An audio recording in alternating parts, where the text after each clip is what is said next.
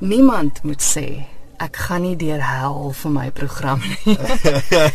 Want ons sit hier in 'n motor dit is 'n hittegolf buite. Mm -hmm. Maar die rede waarom ek die onderhoud in die motor doen is omdat dit is waar die toneelstuk afspeel. Ja. Yeah.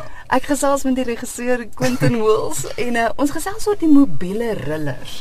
Nou, vinnig net gou vir die luisteraars wat glad nog nie weet wat dit is nie. Mm. Dit is nou die derde een wat jy gaan doen, maar yeah. wat is 'n mobiele riller? 'n uh, Mobiele riller is dit mobiel staan is vir kar of 'n bewegende kar. So die show op die einde van die dag die produksie vind plaas binne in 'n bewegende kar. Ehm um, so ons kan net 3 mense op beslag vat of hang af hoeveel karre ons het. Hierdie keer is ons net die een kar en dan kan ons net 3 mense op beslag vat en ja, en dan gebeur die hele storie dan nou binne in die kar terwyl jy ry in die strate van Centurion dan nou hierdie keer.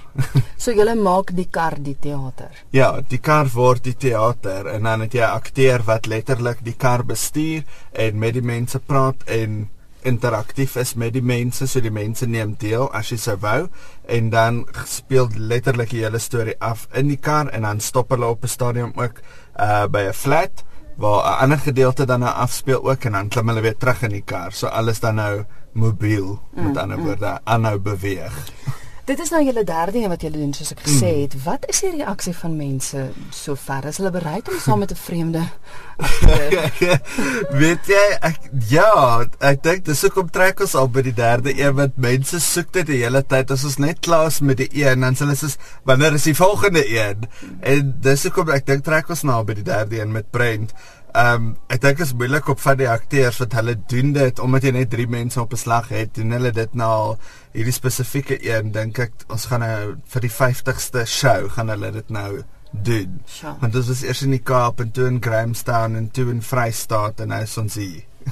Waaroor gaan hierdie produksie? Brent ehm um, gaan oor die ouetjie se naam is Brent, die hoofkarakter en hy tel dan nou mense op vir 'n partytjie. So hy hy sê half, "Oh, ons gaan vir 'n partytjie wat my ma gereël het." Wat dan so die eerste half ding is wat so 'n bietjie vreemd is, as met so 'n okay, Mario vir jou 'n partytjie, 'n blind date half.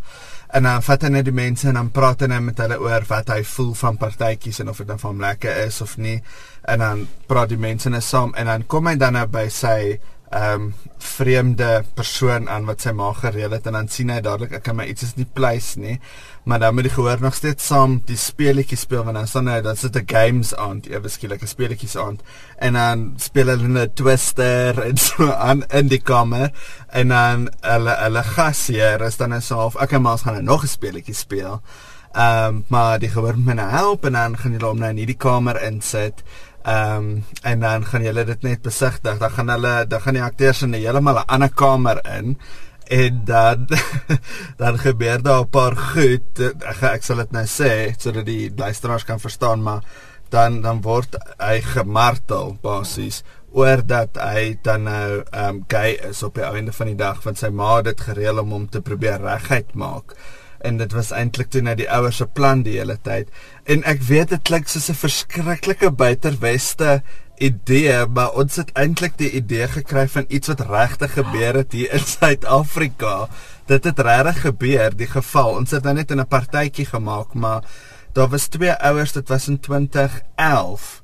Um Raymond Buys is die ouetjie se naam en hulle toe nou in 2011 het hulle hulle seun gestuur na 'n kamp toe om dan nou nie meer gay te wees nie en toe op die ouene het hulle hom ehm um, gemartel, fisies gemartel.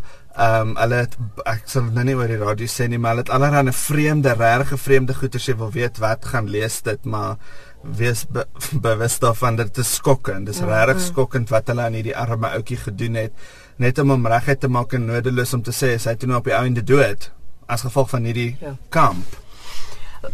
Soos ek dit reg verstaan, het, het het kan die die gehoor, die twee of drie mense wat saam in die kar mm. is, het, het hulle 'n invloed op die uiteinde van die storie? Kan hulle ingryp? Mag hulle of, of is jy regtig net 'n toeskouer? Ehm um, nee, jy kan. Ons hoop eintlik mense doen, maar vreemd genoeg is mense te bang om in te gryp en ek dink dit is waarvan ons sê wat op die heel einde dan dan kom hy los op 'n manier en dan vra hy vir die mense maar hoekom het jy my nie gehelp nie as prins en dan se mense se reaksie altyd soos ja maar die deur was gesluit en so aan Maar wat hulle nie altyd weet nie is is ons sluit as pres nie altyd die deur nie om te kyk of iemand gaan help. En die mense wil net nie altyd help nie. Ek weet nie hoekom ek dink dit is daai geval van ehm um, as jy as jy byvoorbeeld in in in in traffic staan en so aan en iemand word langs in jou gehijack, jy kyk net want jy's bang jy word daarbey betrek of iets gaan met jou gebeur.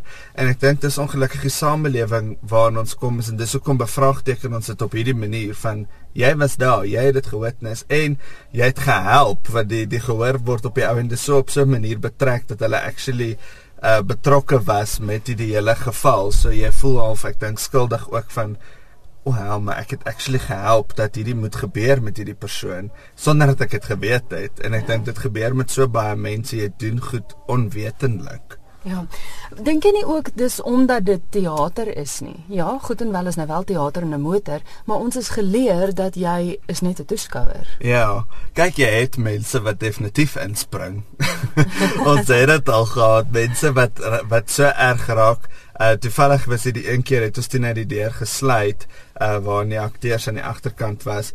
Toe slaan hierdie mense verwoed op hierdie deur want hulle kon dit nie mm. meer vat van wat hulle sien gebeur nie. Mm. So jy het mense uh, met die vorige produksie, die tweede ene mobiele riller wat ons gedoen het, het ons 'n vrou gehad, dit was in Gramstad. Sy het gekom van Nederland af. En die vrou het ook so in dit ingeraak dat sy op die ouende um een van die karakters het sy so kwaad voorgeraak dat sy die akteur terwyl die akteur bestuur wat my toe bietjie bang gemaak het, gegryp het van agter af en op die nek gegryp het en gesê het I will kill people like you. En toe dink ek, jy liewe oude vrou, dis net soos jy sê, Christel, dit is dis eintlik teater. Onthou dit ook. Asseblief doen wat jy voel en en hulle hulle hulle improviseer op die goed, maar bret jy hulle raak nie. Dit is wat ons vra. Ons sê dit net nou ja. elke keer van toe af.